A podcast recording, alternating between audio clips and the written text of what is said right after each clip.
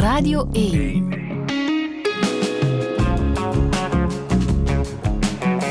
Voorproevers. Met Linde Merkpoel. De foef.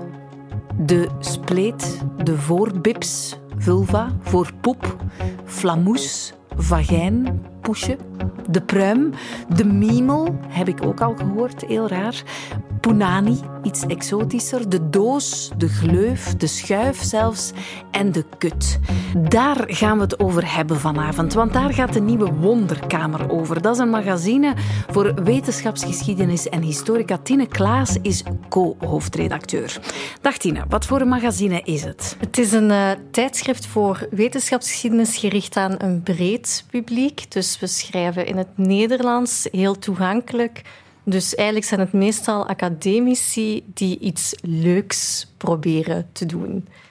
Um, en we verschijnen twee keer per jaar, um, meestal met themanummers. Dus we hebben recent een nummer gemaakt over de geschiedenis van duurzaamheid, maar ook al over de geschiedenis van wantrouwen in wetenschap, met een katern over vaccinatie, want toen was dat nieuw en het, uh, het item waar je het over moest hebben, maar ook over koloniale wetenschapsgeschiedenis en nu dus over um, vagina, vulva en aanverwanten. Ja, echt een kolfje naar jouw hand, want ja. jij bent historica, weet heel veel over seksualiteit en gender in de geschiedenis. Dus echt jouw ding deze keer, want het is een special over de... Ik ga mij erover moeten zetten, hè? maar je hoort altijd de aarzeling als ik mijn woorden zoek, maar het is dus echt gewoon de kut. Ik voel mij super awkward om dat woord luidop op de radio uit te spreken. Ik ben dat niet echt gewend. Maar het is een weloverwogen keuze ook van jullie als redactie om het een kutnummer te noemen. Ja, we hebben het daar lang um, en we hebben daar lang en hevig over gediscussieerd op de redactievergadering welk woord we zouden gebruiken. Want er zijn een aantal problemen. Um, dus de, de vagina gaat eigenlijk alleen over de gespierde buis die naar de baarmoederhals leidt. Dan Iets heb je... wat je niet ziet, eigenlijk? Nee. Dan heb je de vulva. Dat is dan alles wat zichtbaar is. De schaamlappen en het knopje van de clitoris. Maar dus niet de clitoris volledig. Dus niet de zwellichamen en zo. Dus daar valt heel veel buiten.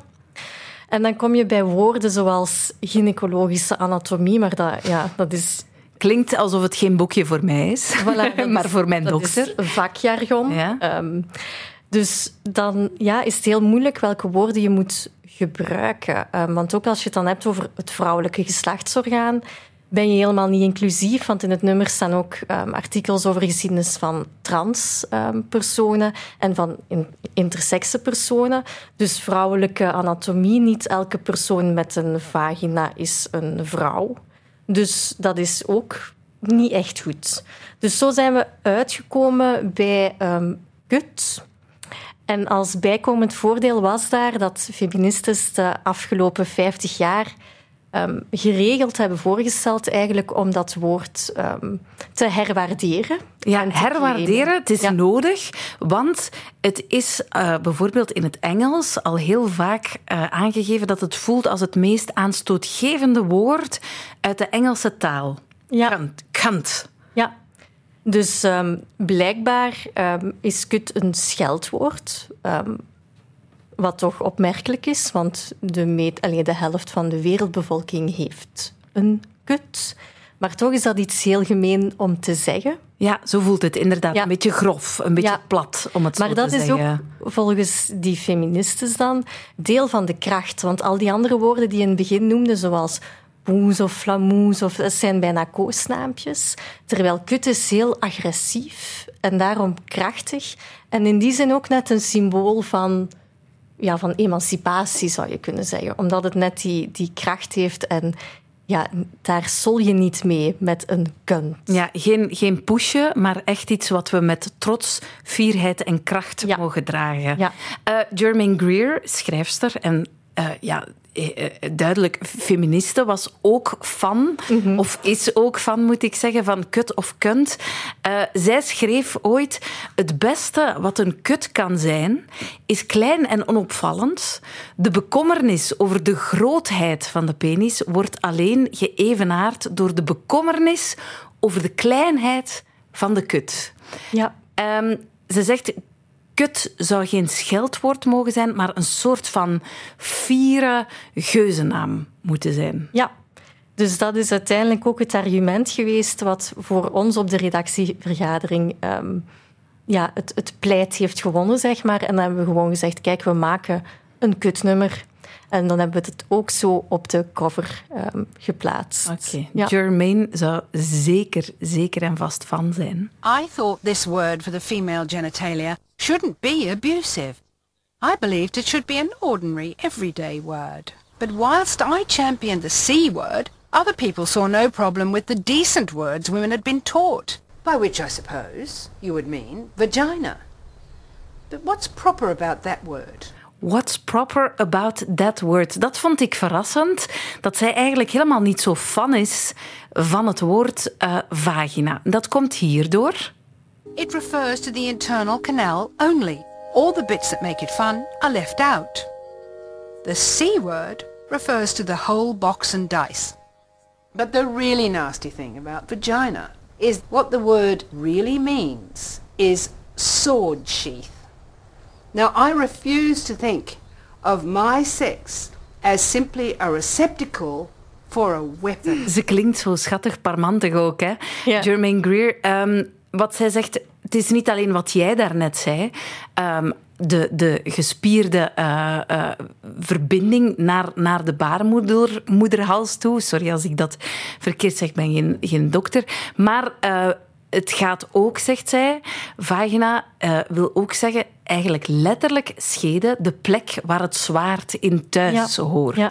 Dus dat gaat over die ja, slot- en sleutelretoriek, um, waar dat de vagina eigenlijk ja, net het deel is van, van het geslachtsorgaan dat de de penis moet verwelkomen of dat dient voor penetratieseks. En in die zin is dat een heel, ja, heel fallocentrisch en, en paternalistische manier om een orgaan te beschrijven. Ja, heel passief, iets wat zuiver bestaat om te ontvangen.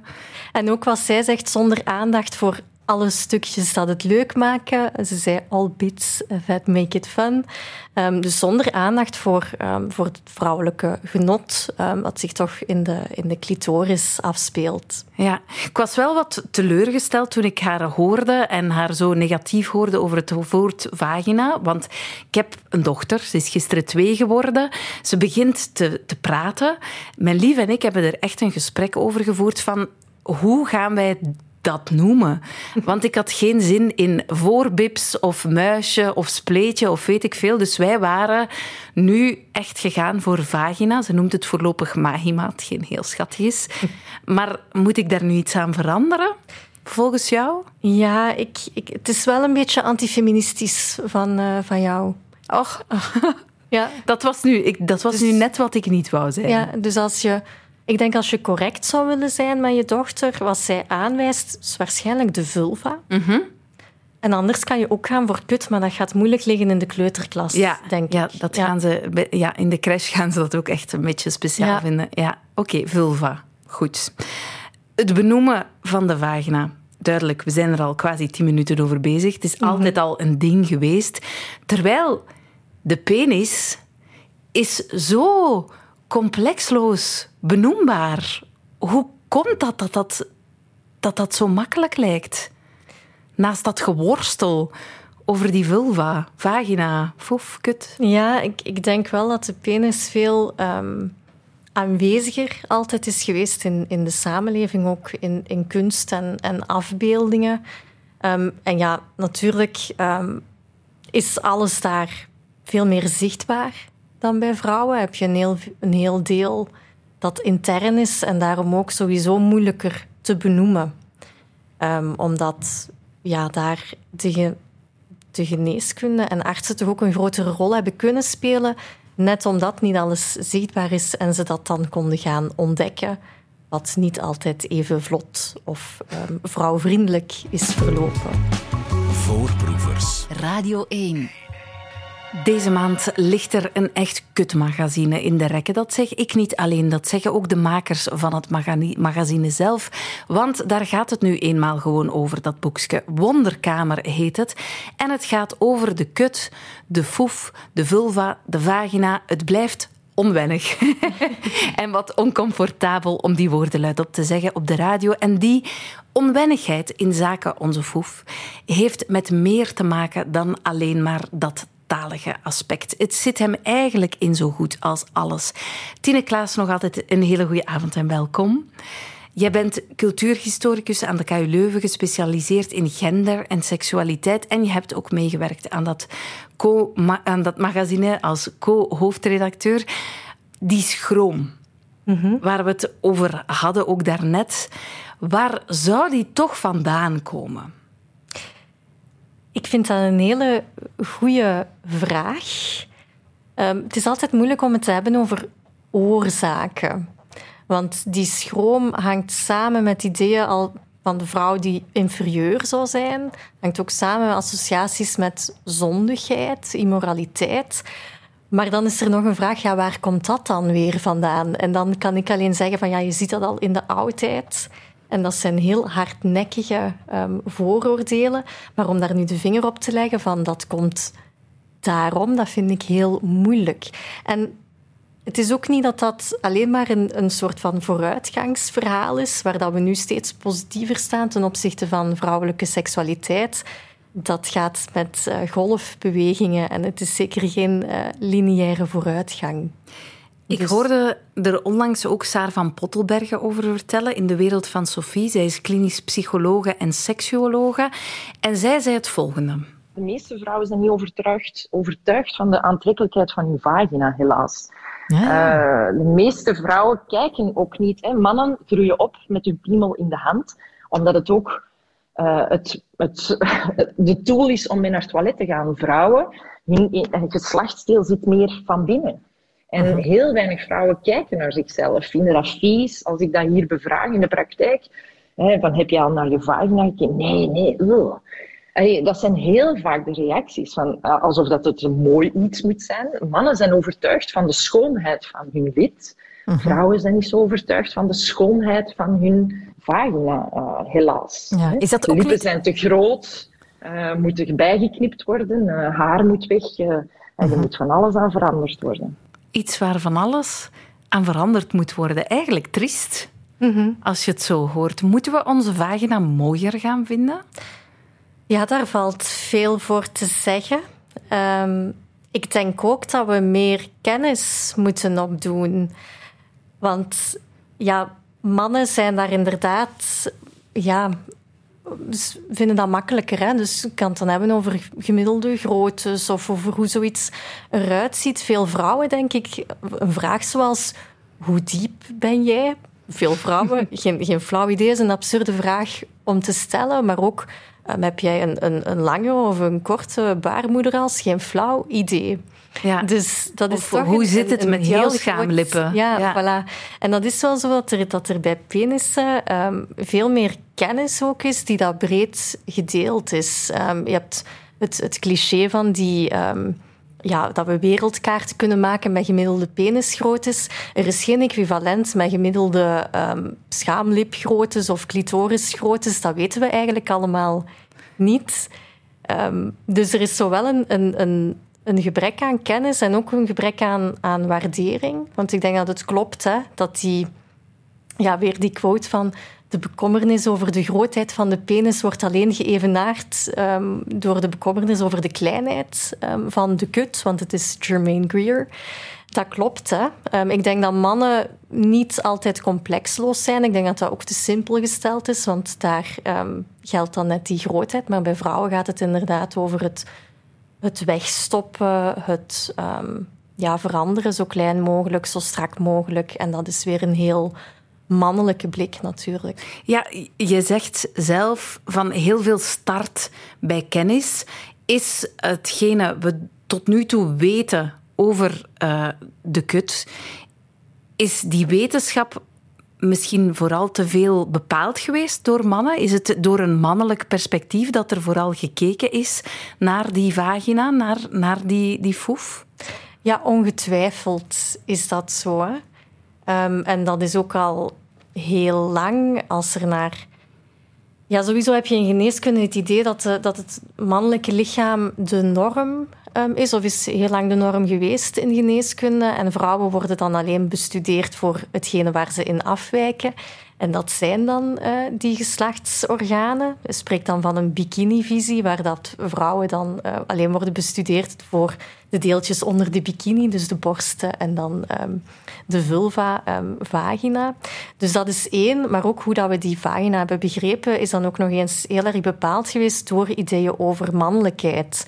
Dus um, ja, in het, in het verleden dat is dan weer die, die sleutel- en slotdynamiek. Dus um, veel aandacht voor de vagina als tegenhanger van de penis, terwijl je eigenlijk beter zou kunnen kijken naar de clitoris op heel veel vlakken.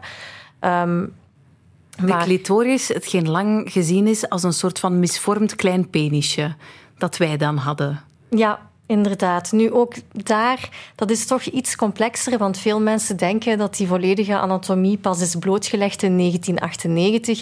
Dat is niet waar. Hè? Dus uh, al in de 17e eeuw heeft de Nederlander Renier de Graaf de clitoris zoals we die nu kennen als soort van kraanvogel uh, met zwellichamen en een heel groot onzichtbaar gedeelte wel blootgelegd. Oh, bedankt Renier, die was daar toen al mee bezig. Ja, ja, dus dat is ouder dan veel mensen um, denken. Um, maar die kennis was er dan in wetenschappelijke kringen, maar die is veel minder makkelijk ja, doorgecijpeld naar brede lagen van de bevolking. En dat heeft dan te maken met schroom, taboe, associaties met uh, zondigheid. Is er sowieso meer geschreven, kan je dat zeggen? Er is sowieso meer geschreven over de penis dan over de vagina? Ja, dat klopt. En dat klopt nog volgens mij nog steeds. Ja. ja. Door dat weinige onderzoek dan naar vagina's, hebben er ook heel lang veel misverstanden gecirculeerd over uh, vrouwen, hun lichaam en hun uh, geslachtsdelen. Die komen uitgebreid aan bod, ook in Wonderkamer. Zoals bijvoorbeeld een paar heel bizarre verhalen over de vrouwelijke cyclus, de menstruatie. Ja. Wat werd daar allemaal over gezegd?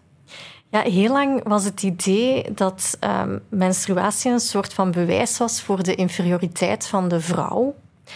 En dat stamt eigenlijk uit de hum humeurenleer, um, dus de leer van de lichaamssappen. En in die leer werden mannen gezien als um, ja, een beetje als de Sahara, zo onthoud ik dat. Dus warm en droog en ook behaard. Dat heeft dan minder met de Sahara te maken, maar dat was de man in de humeurenleer. En de vrouw die was koud en nat Vochtig. en kaal. Ja. En de man zou zijn overbodige lichaamsappen, dus eigenlijk de giffen in zijn lichaam, makkelijker um, kwijt zijn geraakt, omdat hij dus warm was en dat kon uitzweten en ook via zijn baard en borsthaar en zo kon ja, daarvan af kon komen.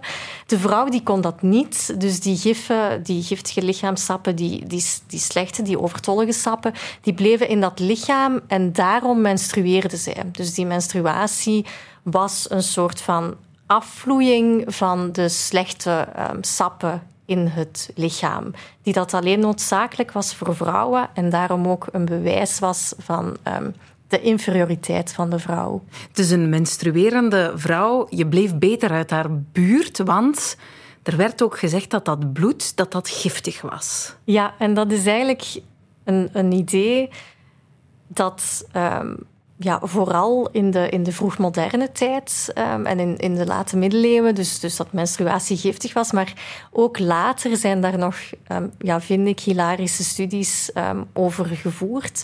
Dus men sprak van menotoxine, dus het gif in de, in de menstruatie. En dan had je in de jaren 50 nog uh, studies van ja, van, uh, van een Hongaarse kinderarts. En hij had bloemen gekregen van zijn huishoudster. Maar zij menstrueerde net en de volgende dag um, stonden die bloemen verwelkt in de vaas.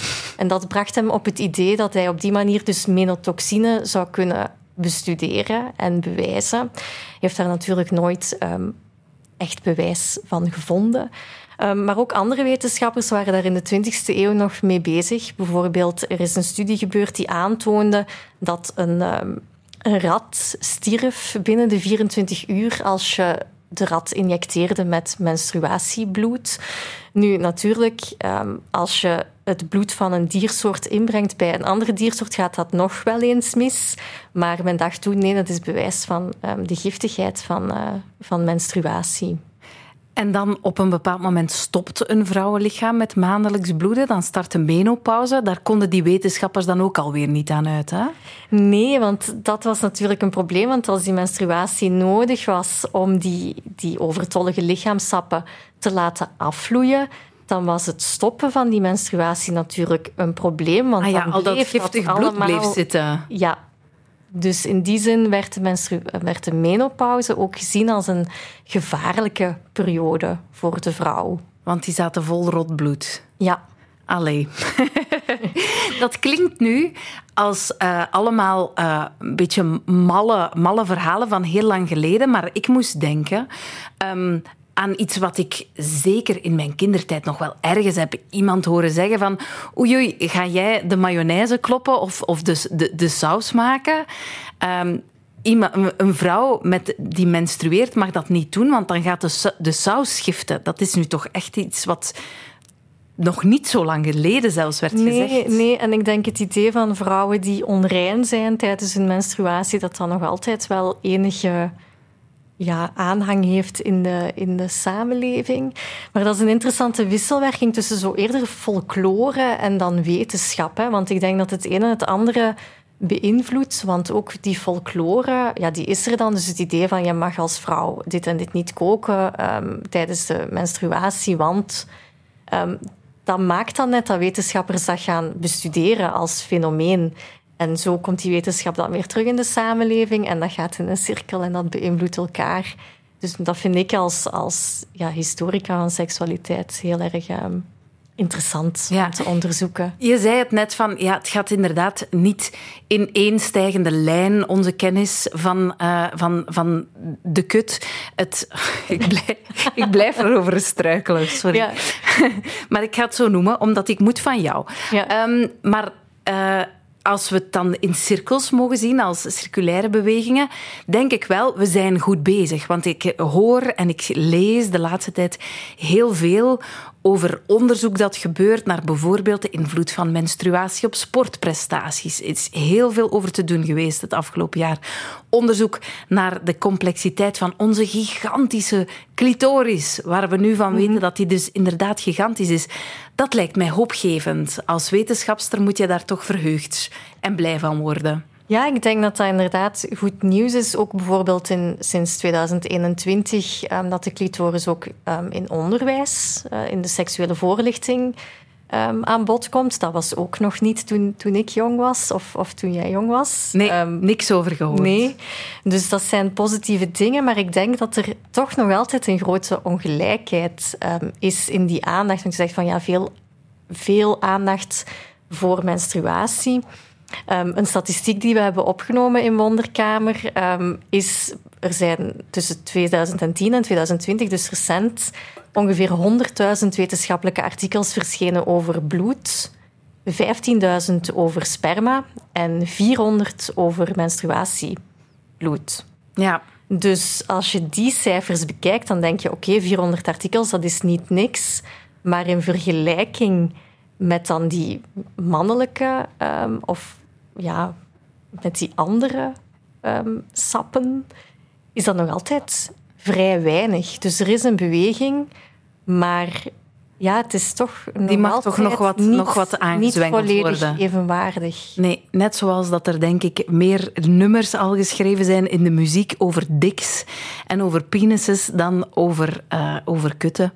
Uh, maar PJ Harvey geeft daar gelukkig het goede voorbeeld. We gaan Sheila Nagegi draaien. Straks mag je mij uitleggen wat dat precies is. Oké. Okay. Look at these, my childbearing hips. Look at these, my ruby red, ruby lips.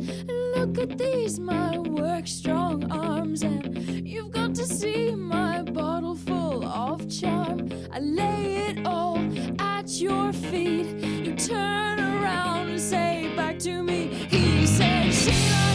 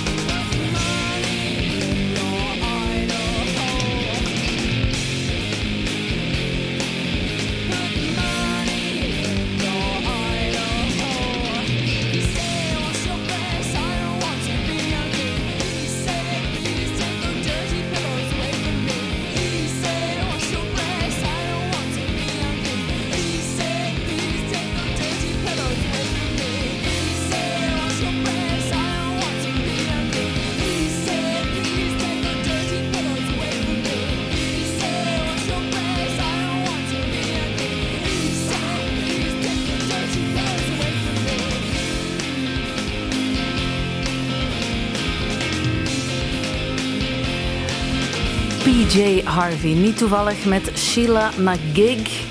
Kende het nummer, ik wist niet waarover het ging. Wat is dat, Tina? Een Sheila Nagig? Het zijn eigenlijk een soort van figuurtjes die men heeft gevonden op heel veel ja, 11e eeuwse vooral kerken in uh, Ierland um, en ja, de streken daar rond.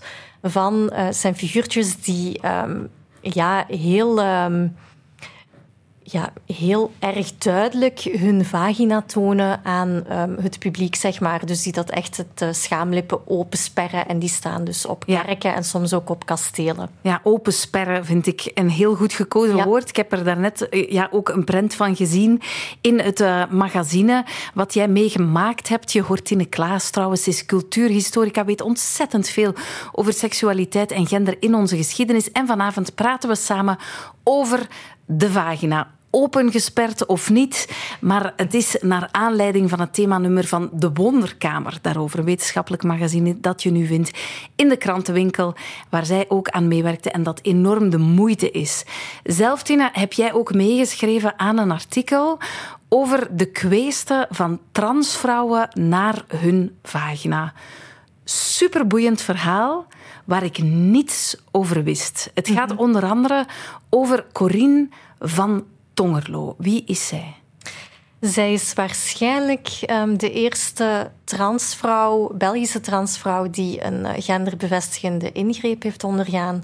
Dus die um, een, ja, een vagina heeft chirurgisch um, ja, laten, laten maken. Ja, zij heeft dat gedaan in de jaren 70, begin mm-hmm. jaren 70. Dat was verre van een evidentie toen, hè? Ja, dat klopt. dus nu, er waren eerder al wel um, genderbevestigende ingrepen geweest. Dus de eerste gedocumenteerde man-naar-vrouw-operatie, zo werd het toen genoemd, um, was um, in Duitsland bij Magnus Hirschfeld. Dat een groot instituut voor, voor uh, ja, seksuele wetenschappen in Berlijn. Maar dan komt natuurlijk de nazi-periode en dan wordt, wordt, dat helemaal opgedoekt. En dan um, krijgt de vaginaplastiek, want zo heet die chirurgische ingreep, terug veel aandacht in 1952, wanneer er een Amerikaanse actrice, um, Christine Jorgensen, um, ja, eigenlijk in de media komt met die ingreep. En dat is een belangrijk moment in die geschiedenis, want heel veel transvrouwen wereldwijd lezen over die operatie in de en krant. krijgen het signaal, het kan. Voilà. Ja. ja. dus enerzijds beseffen ze van, ik ben hier niet alleen. Ik ben niet de enige persoon die zich zo voelt. En het kan. Ja. Ik kan die lichamelijke verandering ondergaan. En dat hoort Corinne van Tongerlo ook. Zij trekt naar Marokko, Casablanca, want dat was blijkbaar toen de place to be voor die ingreep. Wat gebeurde er daar? Waarom ging iedereen naar daar? Ja, um, het was dus zo dat die, die Amerikaanse actrice die was geopereerd geweest in Denemarken. Maar omdat die, die chirurg zoveel um, vragen ontving, werd die route stopgezet. Um, en eigenlijk waren er amper artsen die zich durfden wagen aan die vaginaplastiek. Um, omdat het natuurlijk een heel erg risicovolle operatie was, waar veel mensen ook um, niet van overtuigd waren dat het nodig was. Veel mensen in die tijd zagen um, genderdysfore gevoelens en, en transseksualiteit nog als een, een, psychiatrische aandoening. Dus je had geen chirurgie nodig, maar uh, psychotherapie geen, geen vagina, maar gewoon een, een goed gesprek. Ja, en, dus als je daarmee aankwam kachelen ja. bij je dokter in België, pakweg, zoals Corine misschien ook deed, zei ze, ga jij maar een goede sessie gaan nemen bij, bij een, ja, een zo therapeut. Waren er, er, waren uitzonderingen. Hè. Ook in België had je wel een, een plastisch chirurg in Brussel, Michel Segers, um, die um, transpersonen hielp, maar die waren eerder uitzondering dan regel. En dan had je in Casablanca één arts, uh, Georges Burou. En hij was het referentiepunt voor vaginaplastiek in de jaren zeventig. En ook echt um, internationaal gekend in de transgemeenschap. We gaan eens luisteren naar Corine van Tongerlo, want uh, er is uh, over haar ook een heel mooie podcastaflevering van Iemand gemaakt. Kan je trouwens vinden via Radio 1. En dit is wat zij daarover vertelt, over haar ervaringen in uh, Casablanca. De bureau, dat was, ja, dat was voor ons een god hoor voor ons, wij droegen die op ons handen. Want dat was de enigste die ons gelukkig kon maken. Ik moest mijn jurk uitdoen en mijn slipje uitdoen, mijn drie puntje dat ik nog aan had. En hij zei, ja, je doit regarder le materiaal. En ik begin even te lachen van zenuwen en ik zeg, u spreekt net gelijk, on dirait que vous parlez comme plombage. Ma petite Belge, je suis un plombier. Ik ben een, een loodgieter. Omdat hij zei, ik moet het materiaal zien. Maar hij wil zeggen, hoeveel huid en hoe dat is. Want hoe, groter de seks, en nu ga ik in een vreselijke detail, maar hoe meer materiaal, hoe groter de seks is er meer materiaal. Die spreekt dus als een loodgieter. Want wij moeten alles repareren en laten functioneren. Ja, dus hij ziet dat ik gegeneerd ben en hij zegt, ja, maar je vais vous trafiquer. Ja. Je vais vous créer, faut pas être gêné pour moi. J'en ai vu d'autres. Dat wil zeggen, ik zie er alle dagen, want alle dagen werden er operaties gedaan. Duizenden op, op, op jaren. Die man die heeft alle transgenders van heel de wereld heeft hij daar eerst, want er was niks anders. Ongelooflijk, hè? Om haar zo te horen vertellen. Aanrader ook die podcast van iemand. Maar zo ging dat dus. Mm Ja, hij was um, echt één van de enigen. Ik denk niet echt de enige, um, maar wel de grootste. Naar schatting een duizendtal um, operaties uitgevoerd, wat voor die tijd een enorm groot aantal was. Ja, het moet ook een opmerkelijk figuur geweest zijn, want ze vertelt ook nog... En er staat ook een foto in het magazine van hem, terwijl hij bezig is aan een operatie, opererend in bloot bovenlijf. Ja, dat heeft natuurlijk deels te maken met het klimaat in Casablanca. um, maar en het gebrek aan airco. Ja, maar hij opereerde inderdaad vaak uh, in bloot bovenlijf met dan een slagersschort en ook gouden kettingen. En dat leverde hem de bijna mythische bijnaam op van de slager van Casablanca. Um, dus zo was hij gekend en inderdaad ook um, afgebeeld in de, in de pers in de jaren zeventig. Ja. Superboeiend verhaal. Um, net zo boeiend, en daar gaat het ook nog over uh, in het magazine, wou ik het toch ook zeker nog eens over, jou, uh, over hebben samen met jou. Um, ja, de kut in de kunst. De kunstkut. Ja. Sorry. Um, maar ook daar in de kunst heeft hij heel wat teweeggebracht. Hè? Um, afbeeldingen zie ik uh, in, het, in het staan van L'origine du monde, waarschijnlijk als belangrijkste voorbeeld. Een kunstwerk waar de, de kut, de vagina, prominent werd afgebeeld en die heel wat commotie teweegbracht. Ja, dat klopt. En eigenlijk toont dat meteen hoe hoe zeldzaam het is om, uh, om dat af te beelden. Hè. En ik vind een mooi voorbeeld daarvan als je denkt aan zo um, beeldengalerijen in, in het Louvre bijvoorbeeld, waar dan dingen uit de antieke oudheid staan. Dan zie je daar al die mannen uh, en daar wordt probleemloos um, de penis getoond. Terwijl de vrouwen, dan, uh, dan spreekt men van de Venus pudica of, of de kuisse Venus. Altijd mooi de handjes ervoor. De handjes ervoor, ja. of een lok haar, of een leuke schelp. Ja, inderdaad. Dus dat is een, een groot verschil. En dat maakt ook dat als dan um, de, de, de kut zo getoond wordt op een schilderij, zoals bij Gustave Courbet, dat dat dan ook echt iets teweeg brengt.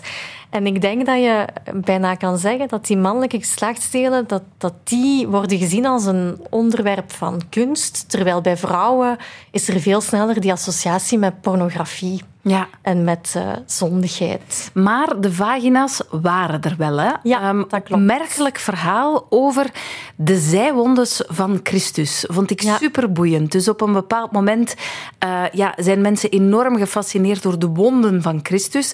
En wordt specifiek de wonden in de zijde van Christus in beeld gebracht. Alleen ze beelden ze niet, hori uh, je, ja, niet horizontaal af, maar verticaal, waardoor ja. je dus een rode spleet krijgt die in, in veel godsdienstige werken prominent daar staat. Ja, dat is zo. Um, dus in de 14e eeuw was er echt zo een cultus over alle wonden die Christus had opgelopen. Um, waar dat de bedoeling was dat de gelovigen dan bijna mediteerden bij elke individuele wonde om zo in te zien hoezeer uh, Jezus Christus voor ons had geleden. En daar had je ook die, die zijwond, um, die dat onmiskenbaar leek op een, op een vagina. En dat had ook een betekenis. En eigenlijk was dat net een betekenis die heel erg um, verheven was. Want het idee was dat um, Jezus Christus met zijn lijden ervoor had gezorgd dat de kerk was geboren. En die, geboren, die geboorte werd dan letterlijk verbeeld door die wonden. Dus vaak bij die, bij die vaginale zijwond stond dan um, Ecclesia of zo. Dus dat de kerk daaruit werd geboren, zeg maar. Super interessant artikel. Ik had er nog nooit over gehoord, over die zijwondes van Christus die leken op Vulvas. Um, beste, beste Tine Klaas, de tijd vliegt toch enorm als het interessant is en als je je amuseert. Heel erg bedankt dat je hier was. Dat is graag gedaan. Als mensen nog zoveel meer honger hebben die niet gestild geraakt, nog zoveel meer kennis willen vergaren over uh, de, de kut, koop dan gewoon dat kutnummer. Ja, en ze liggen jammer genoeg niet in de krantenwinkel, maar via de website van Gewina kan je het bestellen. Oké, okay. Was de Voorproevers podcast. Al onze afleveringen vind je op VRT Max en we zijn er ook op Radio 1 natuurlijk van maandagavond tot donderdag tussen 6 en 7. Voorproevers.